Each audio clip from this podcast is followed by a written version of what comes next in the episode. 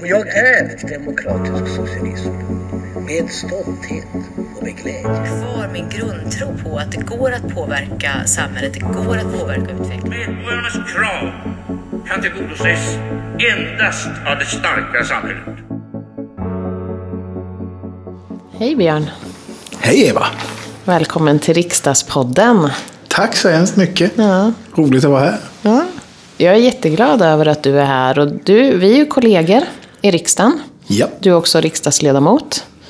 Du kan väl berätta var, varifrån du kommer och vilket utskott du sitter i så kan ju folk få lite sådär koll. Ja visst. Björn Björnar Pettersson. Jag kommer ifrån södraste delen av Kalmar län. Gör jag. Eh, Statsrådsersättare för Lena Hallengren är jag. Och jag sitter i, eh, i socialförsäkringsutskottet som ordinarie ledamot och, och har i vår grupp ansvaret för sjukförsäkringen. Har jag. Ja. Så jag ersättare i försvarsutskottet också. Och vi tänkte prata om något som är ganska personligt Ja. idag. Så därför har jag frågat dig extra om det känns okej. Mm. Eller hur? Och det sa du att det gjorde. att det är okej. kändes okej. Men för att för den här podden handlar ju generellt om liksom förutsättningar för att vara riksdagsledamot eller hålla på med politik ur ganska olika perspektiv. Och din tid som riksdagsledamot började ju väldigt annorlunda än vad det gör för, som tur är kan man väl säga, de flesta andra. Ja. Eller hur? Ja, verkligen. Eh, Började ju annorlunda på många sätt egentligen. Dels så kom jag in som statsrådsersättare, vilket jag inte riktigt hade... eh, Alltså jag trodde ju att borgarna skulle bilda regering och att Lena Hallengren då som är minister från mitt län skulle få gå tillbaka i riksdagen. Och, eh, så dels det så. Eh, Annorlunda i den aspekten. Eh, Och det var ett ganska lång period där man inte visste om man skulle få vara kvar Ja, eller inte. hur lång inställelsetid hade du liksom när fick du... ja, ja, det var, det, ja då, då kommer vi in på kanske den andra aspekten till varför det här var konstigt. För det var, jag låg på, på sjukhus i Kalmar. eh, hade gjort en biopsi i, i armhålan. Som hade gått, det hade- det gick inte så bra, det blev inflammerat. Och, och jag var jättedålig. Eh, och Veckan innan riksdagen skulle öppna. Och fick ett telefonsamtal där på, i sjukhussängen där de frågade om Ja, på eh, nu öppnar ju riksdagen här. Kommer du eller? Kommer du inte? Och jag var inte alls förberedd på detta. För jag tänkte ju att Lenas ersättare är ju Kalle Längberg. Men hans mandat löpte ju ut då. Eh, och det där kan man ju tycka. Jag kanske borde haft koll på det. Men hade jag inte riktigt. Så det var en liten chock. Så. Jag förstår det. Ja. I hela miljön och rent tankemässigt också. Ja. Ja, ja verkligen. Ehm, Så det var ju, men när jag fick frågan så kändes det som att, ja, för, för jag trodde ju verkligen att borgarna skulle bilda regering. Så tänkte jag, jag får bara någon dag här nu. Och då gäller det ju att vara där. Så man tar den här chansen. Så jag säger, jag kommer. jag kommer. Jag hade ingen aning om jag skulle ta mig till Stockholm eller var jag skulle bo. Eller hur man kom in i, inte ens hur man kom in i riksdagshuset egentligen. Va? Men eh, nej, jag kommer, så jag. Och så sa jag till sköterskan där att nu gäller det att vi får ordning på det här. Vi har en vecka på oss för sen ska jag vara i riksdagen. då. Hon såg ut som ett frågetecken. Av förståeliga skäl. ja. Mm. Men du hade varit sjuk. Du var mitt inne för du fick veta att du var väldigt sjuk innan du fick det här beskedet. Hade du, för du har varit sjuk länge och hur... Ja, alltså i, i, i brinnande valrörelse så gick, gick jag igenom en utredning i sjukvården och försöker reda ut vad det var för knöl jag hade i armhålan. Och det var den jag hade gjort en biopsi på då. Den utredningen tog ju ett tag då. Så där, de hade ju ett hum när när jag, när jag ryckte in i riksdagen då, så visste jag fortfarande inte exakt vad det var. Så det fick jag, beskedet fick jag väl om det var första eller andra veckan. Jag satt inne då. Och det var ju, då fick jag ju ett cancerbesked och jag, har- jag har cancer i, i lymfsystemet. Hodgkins. Eh, har jag. Eh, så det var ju tufft. Eh, Verkligen. Ja. Och det var inte så många under... Eh, alltså opinionssiffrorna var ju inte jätteljusa sådär hemma. Och jag var ju... Eh, så jag berättade inte för någon att jag var sjuk. Utan eh, jag kämpade på med utredningarna och liksom körde på i valrörelsen och med mitt jobb och alltihopa sådär. Va? Så det var ju tufft. Eh, redan innan, men så hade man ju dels så var det ju valrörelsen då och sen var det nu ska det bildas regering och så. Det var ju stopppunkter bara ta sig förbi så här hela tiden. Så det matade på rätt bra. Men, eh, men jag fick ju ta en del snabba beslut som det första där då. Ska jag åka till riksdagen överhuvudtaget? Eller ska jag lämna över till någon annan? Och då kändes det som att det var inte schysst. Alltså, rent krasst kändes det som att dels så vill jag ju. Mm. Jättespännande att få mm få chansen att komma in i riksdagen. Det är ju min första mandatperiod. Mm. Och också stort. Vi har aldrig haft en socialdemokratisk riksdagsledamot någonsin ifrån min kommun innan. Så bara det var ju häftigt så. Mm. Eh, så det kände man måste, även om det bara blir några dagar så har det ju ändå hänt då. Så det var, det var ju första. Och, och så var det ju också så här, ska man då nästa man på listan eller kvinna då. Ska hon utan förvarning bli inkallad då? Hur ska jag reda ut det här? Nej, jag får åka dit och så tar vi det efterhand och reda ut det om det skulle vara så att det blev en borgerlig regering mitt i alla här, de här månaderna som gick. Mm. Och, och, Lena Hallengren skulle bli, då skulle du få åka hem. Då är ju inte du längre riksdagsledamot. Så för Precis. dig blir det också, för de som är så kallade statsrådsersättare blir det ju också verkligen sådär tydligt. Från ena mm. dagen till den andra så är det här eller inte här kan man mm. säga. Ja, och ja. det det, det fick, fick, vi ju förstå när vi eh, kom in då att det är ju verkligen av eller på. Där man ju, som statsrådsersättare, om jag minns rätt, så tror jag vi har tre dagar på oss att packa ihop allt och lämna lägenhet och kontor och allt. Mm. Eh, så det var en, och så var jag också tvungen att göra upp med min arbetsgivare och ta ledigt för en tid. Obest, alltså så väldigt luddig tillvaro. Det gick ju väldigt bra ska jag säga. Jag var en fantastisk arbetsgivare. Jag jobbar ju med min hobby annars i fackföreningsrörelsen som ombudsman. Så min arbetsgivare är väldigt positiv till det här men de blev ju satta i en väldigt svår situation.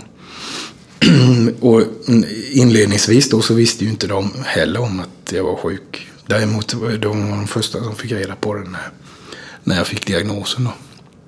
För det fick jag ju ganska snart. Om det var första eller andra veckan, det minns jag inte exakt. Men eh, det var väldigt snart in på en, en, en fredag. Eh, skulle jag få svar då på den här biopsin. Eh, vad de hade hittat. Eh, Mm. Och som sagt, då hade de hittat... Eh, kan, fick jag ju diagnosen cancer. En cancerdiagnos. Sen säger de ju inte cancer utan de, de rabblar ju det här jättelånga namnet som jag inte bara klarar av.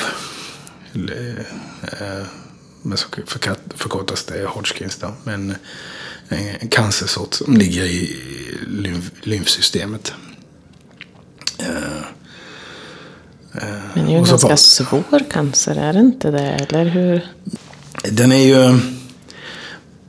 Alltså, cancerforskningen har jag ju förstått nu. Då. Jag kunde ju ingenting om cancer rent kast annat än det som som far runt i huvudet på de flesta när man hör ordet cancer.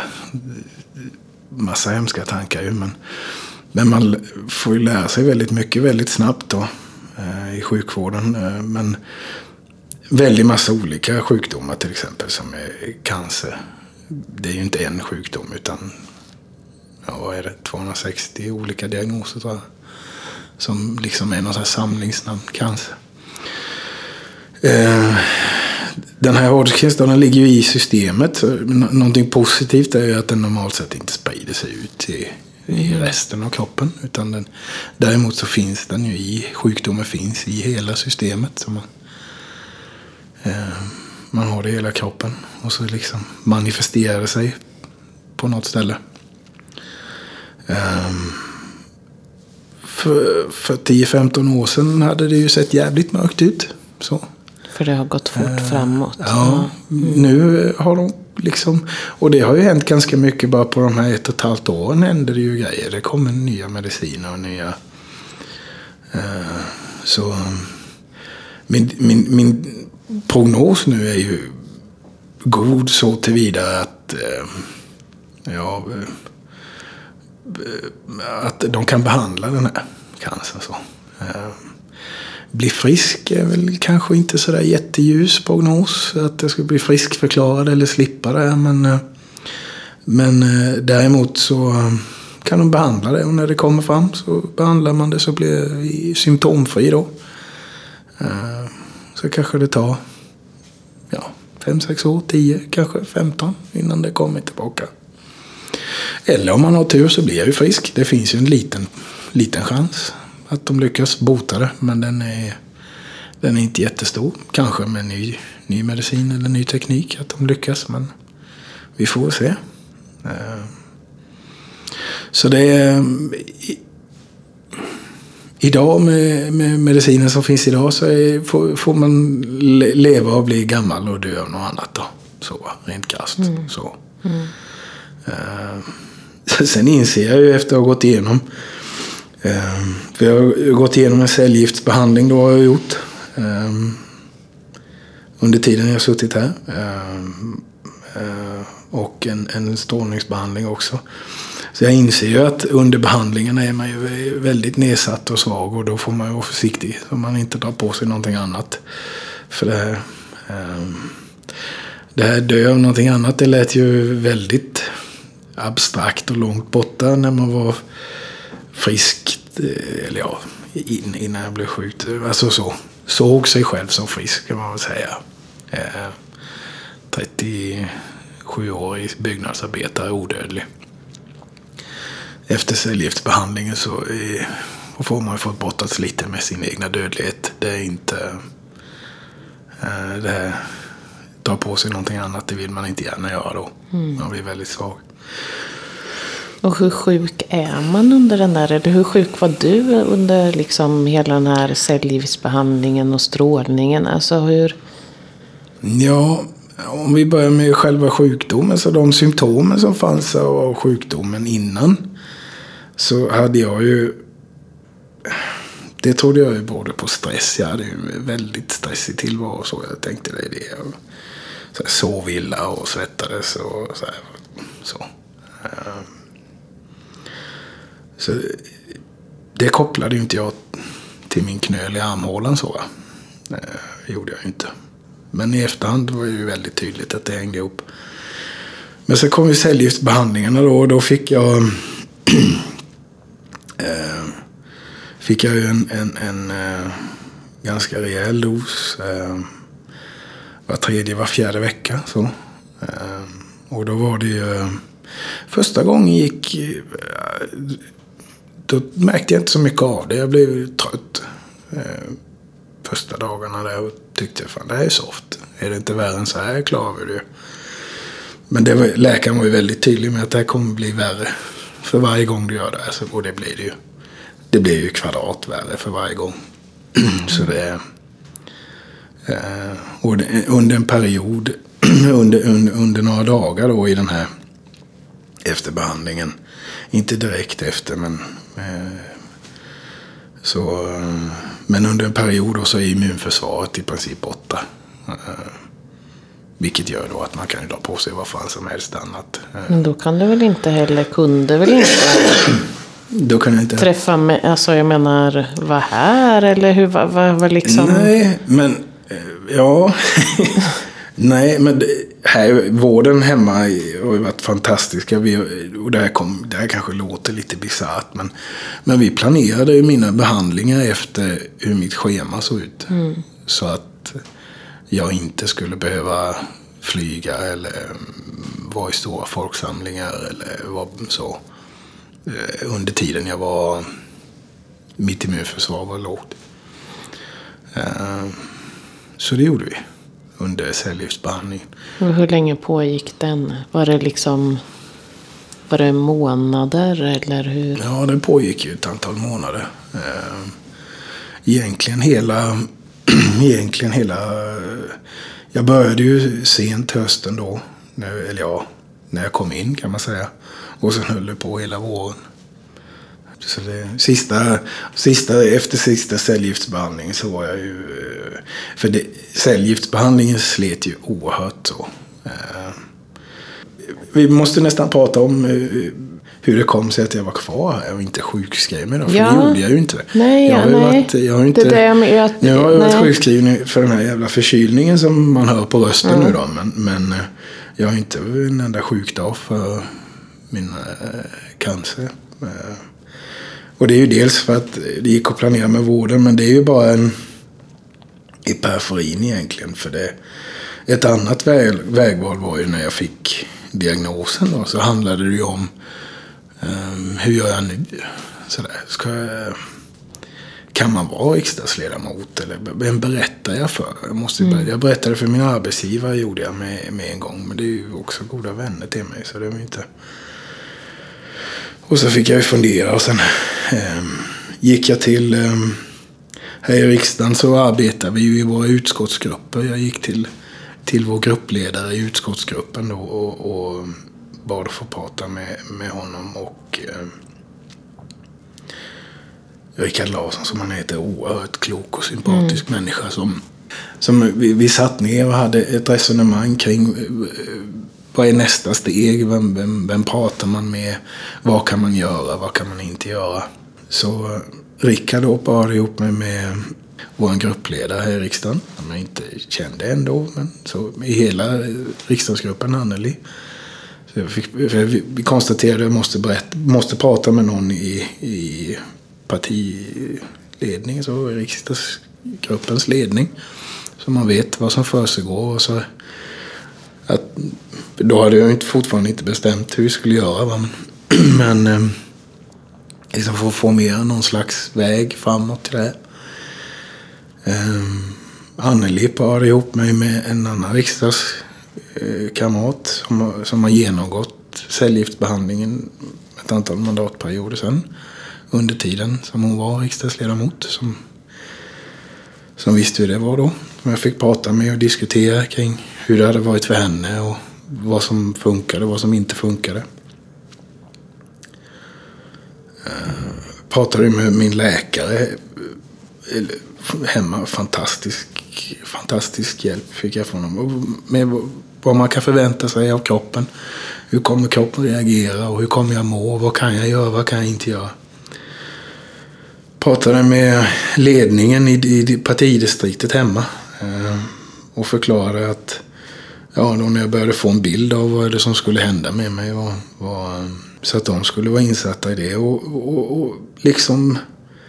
För, för när jag förstod vad som skulle hända med kroppen och det här och inte... Då ville ju inte jag sjukskriva mig sådär. För Jag ville inte vara hemma, eh, sitta och glo. Utan det skulle ju vara långa perioder som, som man inte var jättedålig. Va? Då, vill ju inte missa den här chansen. Och man ska ju också ha klart för sig att när jag, boll, när jag kämpar med alla de här tankarna så är vi också i ett läge där borgarna när som helst kan bilda regering. Och min chans till att sitta i riksdagen är över. Och här är ju all, det är ju ett fantastiskt ställe att vara på. Eh, eh, så jag vill ju suga åt mig så mycket som bara möjligt. Se så mycket som möjligt. Prata med så många som möjligt. Eh, få lära mig så mycket som möjligt innan det var över. Liksom. Så det fanns ju i mig också. Och säkert en anledning till varför jag valde att göra som jag gjorde. Men, men jag hade ju frågan då om Dels det partidistriktet. Som riksdagsledamöter har vi ju ett stort ansvar hemma i distrikten. Att, att eh, leda och ställa upp och eh, liksom eh, ja, vara drivande i partiarbetet. Och det konstaterade jag ju att jag kan ju planera mina behandlingar så att det inte påverkar arbetet i, här i riksdagen i Stockholm. Men det skulle ju innebära att all annan tid skulle ju gå till behandling. Eh, återhämtning. Och det skulle ju påverka min möjlighet att ställa upp för partiet då. Så då var det ju viktigt för mig att det var okej för dem. Hemma, distriktet. Och jag fick jättefin uppbackning därifrån. Så det stöttning. Eh, och likadant ifrån riksdagsgruppen har vi också stöttning. För det, det där känns ju inte som självklart att man ska liksom snå åt sig en plats när det skulle kunna vara någon som är helt frisk och kan gå för 120 procent annars. Så. Men eh, ja. Det är väldigt ödmjukt av dig, tänker jag. Och, alltså, jag, fattar, jag fattar vad du menar. Jag förstår verkligen det. Men samtidigt så tänker jag att det där blir också... Jag vill också bara säga att jag är, så, jag är djupt imponerad. För att jag tänker att man såg ju inte dig. Det är min bild av dig utifrån. Jag såg ju inte dig som sjuk. För jag visste ju att du var det. Och vi har ju liksom sådär lite, men jag tänker också att det var svårt att se dig som sjuk. Eftersom du var så otroligt positiv och varmhjärtad och ofta tänker på en massa andra människor runt omkring. Så det är också svårt att tänka sig att man inombords och fysiskt tampas med så mycket som du gjorde. Det nästan så här övergår förståndet, förstår du vad jag menar? Att Ja, när man möter någon som är så, så väldigt positiv och ja, men alla de här så, så blir det också så där märkligt att du samtidigt ja, men hade allt det här runt omkring dig. För det är ju otroligt. Jag har inte varit med om det. Många som har ju inte varit med. Men man ser ju också, det här är ju en... Det är ju inte bara sjukdomen utan själva behandlingen och allt det där som väcks inom en tar ju, måste ju ta enormt mycket tid och kraft av en. Jo, Så det är ju fullt förståeligt och klokt tänker jag att du tog den, den diskussionen. Men samtidigt är det ju... Ja, jag tycker det är ödmjukt att tänka så. Eh, att, att, ha den, att ha den inställningen men också... Men ångrar du, alltså, ångrar du besluten eller det du ager, alltså på det sättet, det som du har berättat hittills? Fanns, finns det någonting som du känner att det där borde jag ha tänkt på ett annat sätt eller gjort på något annat sätt? Nej, nej. Jag ångrar ingenting eh, av det här. Jag tycker... Jag är snarare lite stolt över att det gick sådär. va. För det, det var jag väl inte... Eller ja. Jag. Det är inte alls självklart. Nej, det var inte alls självklart sätt. att det Nej. skulle, skulle gå. Men, men samtidigt så är det ju... Det blir ju lite utmaning av det då.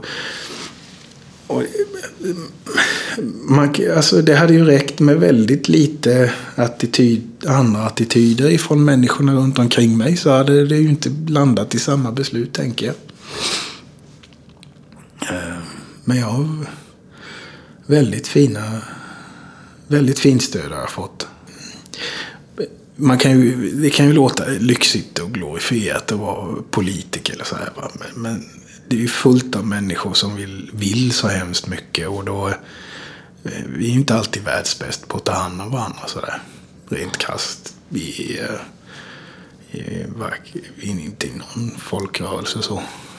Min erfarenhet så sitter jag ju och vittnar om den raka motsatsen. motsatsen. Men här blev jag ju det. Jag blev väldigt fint omhändertagen. Och och eh, gavs ju möjligheten att göra, att göra det här. Eh, eh, Ha det här fina uppdraget. Eh, även om jag inte liksom kunde leverera dag och natt sju dagar i veckan. Vilket vi rent kast förväntas göra annars ju. Så. Ja, så är det ju. Det är ju liksom höga förväntningar på. Ja, och det kan ju också vara jobbigt att känna det. Men jag förstår väl mer. För jag tänker att om, om någon i den här processen hade sagt att "Ja, men ska du verkligen eller vi vill nog ha kanske mer eller då Ja, hade det varit ett, Det hade inte behövts mycket så hade jag Nej. Mm. klivit av med en gång. Det, Om någon hade inte kanske bara sagt utan visat på något Mm. sätt att ja, men tveksam till att du skulle göra det. Då låter det som att då hade du kanske tagit ett annat beslut. ja, då hade jag nog sjukskrivit mig tror jag. Så. Mm. Eh, Det hade inte behövts mycket. Alltså ifrån, det är ju en sak om ens motståndare hugger och sådär. Mm. Nu har de inte gjort det ska jag säga. Men, men när ens egna inte... Det är ju... Det är ju mycket viktigare. Måste man Så. känna att man har det stödet. För det är ju, ja, blir utsatt ändå. Oerhört. Så, det, ja. så det, nej, det hade inte behövts mycket för att knuffa undan mig där. Om Nej. man hade velat. Ehm, men nej, det gick ju bra. Gjorde det. Ehm, Och sen valde du, för du har varit, jag läste ju den, var en väldigt bra artikel som du var med i, jag vet inte hur länge sedan det är, några månader sedan. Hemma vid. Eller längre Ja, sedan. alltså, Kanske, Det, ja, för några månader sedan hade vi en uppföljningsartikel. Då, men alltså, eh, det var ju också en, eh, ett sånt där vägval eller principbeslut som jag fattade. Det var att ska jag vara kvar, då ska folk veta. Så det var ju också med i balansskålen. Sådär. Kan jag verkligen tänka mig att berätta för folk vad det är som jag går igenom? hade jag landat i nej där, då hade jag sjukskrivit mig. Och sen hade inte, det hade ingen hemma vetat ju. Men, men för mig var det liksom, jag sitter ju på mandat för Kalmar läns invånare och företräder dem i här. Och då, ehm, då, för mig kändes det som att det vore bedrägligt att inte berätta då. Ehm, samtidigt, så, så kändes det innan. Det var ju nervöst som tusan innan jag åkte till tidningen och berättade. Och jag valde en, en reporter som jag har stort förtroende för. Ehm, som jag visste jag kunde ha ett förtroligt samtal med. Eh, Åka och berätta om vad som hände. Sådär. För då blir det ju spekulationer med, kommer han kunna sitta kvar? Vad händer? Sådär. Så jag fick ju vänta lite till jag hade, liksom kunde svara på. För det hade jag ju inte i början. Jag hade ju inte svar på frågorna i början. Så. Men när jag började liksom få ihop, ja men nu kan jag nog, nu har jag en bild av vad som kommer att ske. Då gick jag ju till tidningen och berättade. Eh, eh, Så. Och det, eh, så det blev ju ja, medialt hemma. Hur det var känns ju- det då? Alltså jag tänker Ja, att det måste alltså, det var vara... ju- Det känns, det känns helt rätt att jag gjorde det. Det ordet cancer väcker ju, precis som det väckte i mig, så väcker det ju massa hemska känslor och sådär va. Så det blir ju väldigt... Det var väldigt många som hörde av sig och var ledsna och oroliga. Och, eh, det var ju jobbigt sådär. Att hantera omgivningens oro. Så. Eh, jobbigt. Eh, samtidigt vet jag inte om man kan göra det liksom på en annan. Nu visste ju alla. Och sen... eh, eh jag, jag ska säga det. Jag, eh, jag gick ut och berättade om det då. Det gjorde jag ju innan jag började tappa hår och så. Eh, så Det var ju, kom ju inte, då visste ju folk innan det. Det var ju också, det hade jag ju någon som, som deadline då. För det visste jag ju. De hade berättat för mig att Åh gud, nu kommer jag inte ihåg. Var det tredje behandlingen eller något? Skulle jag räkna med att det skulle börja trilla av. Så. Så då visste jag ju det. Ska jag... Annars kommer folk börja fråga. Va? Eh, så ska jag... då hade det varit att kliva av. Berätta eller kliva av. Så. Och ett vägskäl eh, där. Då kändes det... Eh, eftersom jag ville vara kvar och det liksom, så berättade jag ju. Känns rätt. Så, det var bra. Det var bra att göra det. Ehm, då vet folk. Eh, sen känns det ju... Alltså det känns nästan som man oroat folk i onödan. Men det är ju bara dumt för det är ju, det är en hemsk sjukdom. Så det är ju inte... Det är en hemsk sjukdom. Ja. Ja. Och det har ju inte, det har inte varit någon dans på rosor genom behandlingen heller. Men det är inte... Men... eh, Men hur hanterar man det? För jag, jag tänker att det där måste ju väcka så otroligt, du har varit inne på det, så otroligt mycket känslor. För det är ju så, många av oss, när man hör cancer tänker man död. Fast vi vet att väldigt många cancersjukdomar går att bota idag. Och det är precis som du sa också, det har ju hänt otroligt mycket. Det är stor skillnad mot bara för några år sedan och ännu större skillnad om man går längre bakåt i tiden. Men det måste ju ändå väcka, för det är ju ingen som kan garantera att allting kommer att gå bra. Nej, absolut inte. Men det, Och hur är det att hantera de där rädslorna och samtidigt vara det här offentliga och du ska gå ut och prata om det. Har du hunnit få tid att liksom smälta det du och vad, ja, vad händer i... Rent känslomässigt så, tänker vi. Ja. Und, i, i, början, i inledningen av behandlingen, och, och det, det har varit mycket sådär, ja men nu måste jag bestämma mig för det, och så analysera det, och nu måste jag göra det. Och, så, och sen har jag varit sysselsatt hela tiden, och det, är ju inte, det har ju hjälpt mig oerhört. Jag, hade jag inte Alltså hade jag varit sjukskriven och legat hemma och stirrat i taket, då hade jag garanterat mått betydligt sämre mentalt än vad jag har gjort. För här har ju hänt så otroligt mycket spännande saker. Och lärt mig så mycket. Så det, då blir man ju liksom... Jag vet inte om det är rätt sätt att hantera sorg eller så, men, men det var ju skönt då. Um, så där, egentligen så gick det under hela behandlingen av cellgifterna och sen strålning. Då var det mycket så här bara, nu ska vi göra det och så gör vi det och så gör vi det. Så det var egentligen när vi började närma oss, när jag började närma mig slutet på behandlingen, det var då de här, då kom ju demon, demonerna om man säger, eller tankarna så här. Eh, för då, det, någon slags eh, när man är änden på det som borde ha tagit allting och har det inte gjort det nu då? Är det slut då? Eller vad händer då? Ja, så. Man börjar få tampas lite med sin egna dödlighet. Så, så då, var, då var det lite tufft. Alltså det förändrar en ju. Det är ju inte... Jag var ju... Eh, tar inte det för givet längre. Så. När man pratar om det så, så är det ju många som säger att jag har lärt mig mycket. Jag har lärt mig uppskatta livet på ett annat sätt. Men är det, alltså, finns det också saker som... Ja, men många väljer ju att, att man har lärt sig också positiva saker. Mm.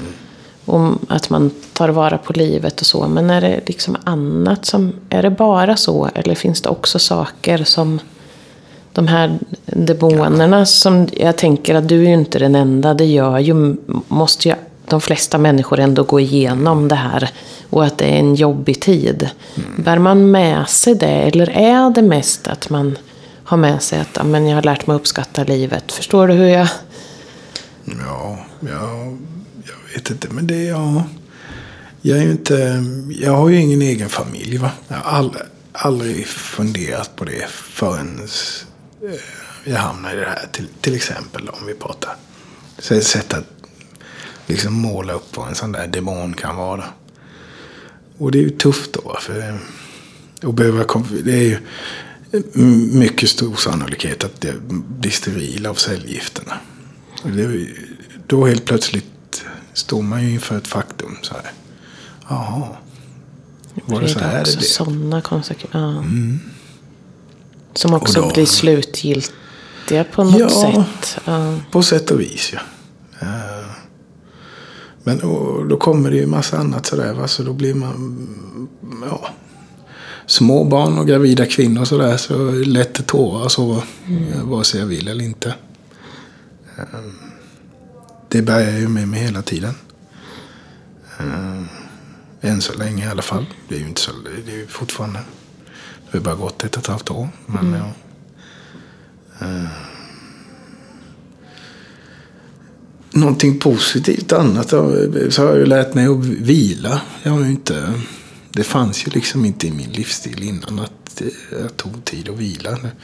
Med sjukdomen blev jag ju tvungen till att vila. För det gick ju inte. Kroppen fixade det ju inte. Så det är jag ju bättre på nu, återhämtning. Uh än vad jag någonsin har varit. Det har jag aldrig varit nöjda bra på. Så det var väl någonting positivt. Annat än att uppskatta livet. Eh, men också så här att eh, det är ju en sak att liksom veta att livet tar slut någon gång. Det gör det ju för oss alla. Men eh, det är en sak att veta det i huvudet, en annan sak att veta det i hjärtat. Va? Har någon, för det blir ju också som en lite sådär att du just har det ansvarsområdet som du har. Sjukförsäkringen. Ja. Precis. Och som handlar om liksom förutsättningar för sjuka människor. Har du någon liksom... eh, Hur, hur tänker du om det? Är det på gott eller alltså, först- är det, Eller har det kommit nära eller har det liksom varit... Nej, nej, den kopplingen har jag nog inte riktigt... Eh, det, det har jag nog inte kopplat ihop så. Därem- Däremot har jag ju stor förståelse för vad för folk som är sjuka. Men det hade, det hade jag innan med. Jag inte jobbat eh, som facklig ombudsman och innan det var jag förtroendevald och försäkringsrådgivare. Och jag har träffat massvis med människor som medlemmar då i, i Byggnads som har haft eh, jobbiga situationer och tampats med sjukskrivningar och eh, kämpiga situationer i livet. Så det var det... Nej, det vet jag inte. Det har Nej, det har inte gjort. Det har inte varit att det har... Nej. Nej, och sen har jag ju inte, även om jag har varit ute offentligt med att jag, jag har ju inte, alltså varit öppen med att jag är sjuk så har jag ju inte, eh, jag har ju inte orkat göra någon, alltså man skulle ju kunna tänka sig att man borde engagera sig för cancervården eller för, alltså som sakfrågor då. Det har jag ju inte gjort än, det har jag inte riktigt orkat med. Det ligger lite för nära. Så. Mm, Men ja, det kommer väl hoppas jag att jag liksom fixar det med. Annars, annars är det lättare att förhålla sig till gamla sakfrågor som man brinner för. Så distansera sig ifrån. Nu fick ju du eh, stöd av någon som hade liknande erfarenheter själv. Och jag tänker att du inte alls ska behöva recensera det. Men jag tänker, vad skulle du, vad skulle du skicka iväg med någon som hamnar i en sån här situation själv? Vad skulle du ge för råd? Eller? Oj, ja, vad ska man ge för råd till någon som... Nu är det ju väldigt olika vilken, vilken sjukdom man får och hur det manifesterar sig. Men, eh, men eh, korta... eh, För mig hjälpte det ju att... Inte, för jag funderade ju inte på... Det orkade jag ju inte fundera på långsiktigt utan det var väldigt korta mål. Vad behöver jag lösa nu? Det här måste jag reda ut nu för att det ska funka. Som de här vägvalen jag gjorde. För att fundera ut vilket, vad behöver jag lösa? Det var ju viktigt. Ehm, prata med läkarna. Sjukvården var ju jättebra på att förklara. Ehm, vad jag kunde förvänta mig av min egen kropp och hur, hur jag skulle hur jag kunde förhålla mig till det och så. Eh, eh, Jag åkte själv till läkaren för, när jag fick diagnosen. Det rekommenderar ingen annan att göra. För det var väldigt mycket Just det, information. ta med någon. Ja. Ta med någon som, och någon som liksom har sinnesnärvaro och skriver anteckningar och sådär. Nu gick det ju bra och så. Men, eh, det min frågvisa natur liksom lät mig ju bara ställa frågorna om och om, om igen till jag fattar. Men det hade varit bra att ha haft någon som snappar upp så man inte missar något. För det, när det drog igång, då drog det igång ordentligt. Det, det började, de, vi började ju med de här förberedelserna för behandlingen samma dag som jag fick diagnosen. Så det, eh, men det gick bra. Just det är också kroppen. Så jag tänker så här att när man får höra sådana svåra saker och tuffa så kan man ju också, när man inte klarar av att höra mer, kan man ju stänga av. Det kan ju vara svårt att ta in all information. För att man kanske inte heller nästan orkar med att ta in all information heller. För det är ju lite övermänskligt för alla de som får den här typen av besked ibland. Tänker jag att de ska sitta där och man ska så här, ja och då ska du göra det. Och, äh, det För det här är ju livs... Man vet ju det, att det är livsomvälvande. Ja, det väcker ju så himla mycket frågor.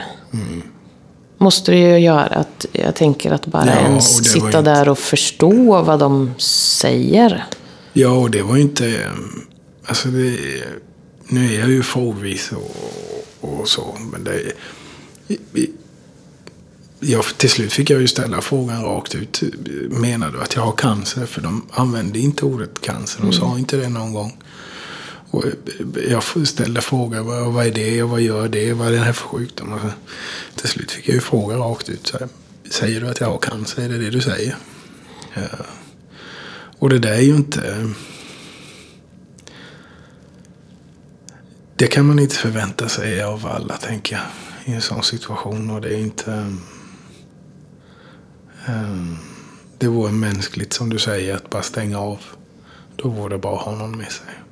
Så inte, inte vara själv. Ha någon med lite sinnesnärvaro med sig.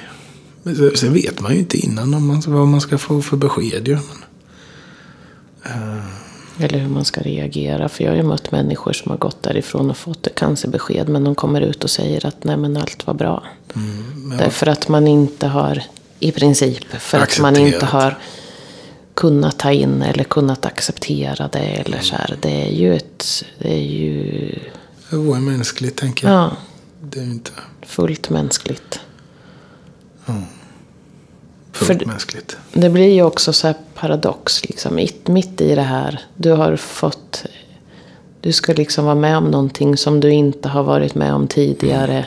Som är spännande och intressant. Och så hamnar du i det här. Det blir ju verkligen liksom Ja, hela... jag var förbi, eh, de första jag berättade för var mina kollegor, det sa jag ju. Eh, och då kom... Eh, och, och det var mest... Jag känner mig jävligt trygg med mina kollegor och vänner. Så, så. Det var redan på väg hem. Då. Jag skulle köra hem från sjukhuset och då stannade jag till vid mitt gamla kontor. Och, och gick in och satte mig och, och fick prata med mina kollegor då och berättade vad, hur det låg till. Och ehm, min ena kollega sa någonting som hjälpte mig. Han och har hjälpt mig hela vägen. För då, han, han, han tog tag i axeln och sa det var väl en jäkla tur att det hände nu. Och jag tittade på honom. För, för mig kändes det ju bara orättvist att jag skulle bli berövad chansen. Och sitta i riksdagen. Och så kändes det ju. Men och vad tur det hände nu. Hade det hänt när du var på jobbet då hade du jobbat ihjäl dig. Det är inte... Det var bra nu. Nu är ju, händer ju... Nu ändras ju hela ditt liv på en gång. Så det... Det var tur, sa han. Och det, det där... Den, den optimismen i det läget hjälpte mig väldigt mycket sen. Så, Även om det inte alltid kändes som om det var tur att det hände. Va? Så, så fanns det ändå där. Så där, att det kunde varit värre. Så. Vilken verkligen om. Men hur, hur är det? För, jag, för jag tänker, du fått, måste ju ha mött massor med människors olika reaktioner. Folk kanske blir besvärade. Eller jag vet inte, vet inte vad de ska säga. Eller jag vet inte. Så här, vad, vad är ditt... Om du nu så här... Vad är skönt att få när man berättar en sån här sak? Finns det någonting där du... Ja, alltså. Den, den skönaste eh, reaktionen det skulle väl vara en, en kram och en ryggdunk bara. Sen allt kommer lösa sig. Så. Eh, sen har jag all respekt för att det är svårt att hantera. Eh, all respekt för, för att eh, man behöver höra av sig och liksom med sin... E-, även om det, för det, det, var, det är jobbigt, eller jag upplevde det som jobbigt att eh, andras sorg och så. Även om jag förstår att det är, men, men det är jobbigt att hantera. Eller var jobbigt för mig. Jag, det kanske inte är så för alla. behöver inte. För mig var det jobbigt. Um, jag har inga bekymmer att hantera det här. Att, eh, folk, det märker man ju på en del att de, de vet inte vad de ska säga och de är besvärade av situationen. Det kan, jag förstår det och det var inte, det besvärade inte mig. Så. Eh, gjorde det inte. Ja, så. Men en kram och allt kommer att bli bra. Så. Det, och det räcker det, var, det är ju liksom det mm. enklaste, skönaste mm. sättet. Sen är det inte... Jag förstår ju att det inte är... Det inte går. Nej, vi är ju inte... Nej, men det är ju många som säger det. Jag vet inte vad jag ska säga eller mm. alltså... Men det du vill skicka med är att man behöver inte säga så mycket. Nej, man behöver inte säga så mycket. Nej. Var där. Mm. Uh, det räcker. För de som hamnar i jobbiga situationer runt omkring mig tänker jag. För jag fick ju göra vägval. Det fick ju även eh, alla de jag pratade med i partiet. Och mina, alla fick ju göra tuffa val. Då. Att stötta mig eller be mig kliva åt sidan. Det var ett vägval som många fick göra då. Eh, det, det uppskattar jag ju oerhört att man gjorde det. Och inte satte huvudet i sanden. För det hade ju varit så jävla lätt att göra. Mm. Och mänskligt. Fullt mänskligt. Mm. Men att liksom... Mm. Så. Det uppskattar jag. Verkligen. Varför inte folk byter sida på gatan när du kommer? Ja, nej men ja. Ja, ja, det, det, ja så kunde det ju vara kanske. Jag vet inte. Men, nej. men ehm, eh, de som har tvingat, som jag har tvingat, eller som mm. jag har mm. delat med mm. mig av och som, mm. mm. jag, som jag har gått till och bett om hjälp eller mm. rådgivning. Eller så, har ju tagit det på stort allvar och faktiskt eh, har visat ledarskap. Det, och det, det behöver inte, det kanske låter som att man ska vara någon världsmästare eller så. Men lyssnat och, och tänkt efter och svarat ärligt på mina frågor och mina tankar. Så. Det är inte mer ja, Det gläder mig ändå att det är så. Att du har fått så. Alltså, mitt i allt detta att, att folk har verkligen bemött dig på det sättet. Det känns gott. Men jag tycker också att du är en det är fantastiskt att du har pratat om det här och mm. på andra ställen och att du fortsätter att vara den du är. Det är fint tycker jag. Och jättegott att du kom hit Björn, tycker jag. Tack Trots mycket. både detta och all din hosta och allting. ja, vi får ja. spela in en annan podd sen så ja, får, får precis. hur låter egentligen. Nästa, ja. så här låter jag egentligen. Stort tack. Mm. Och tack gott att du är här.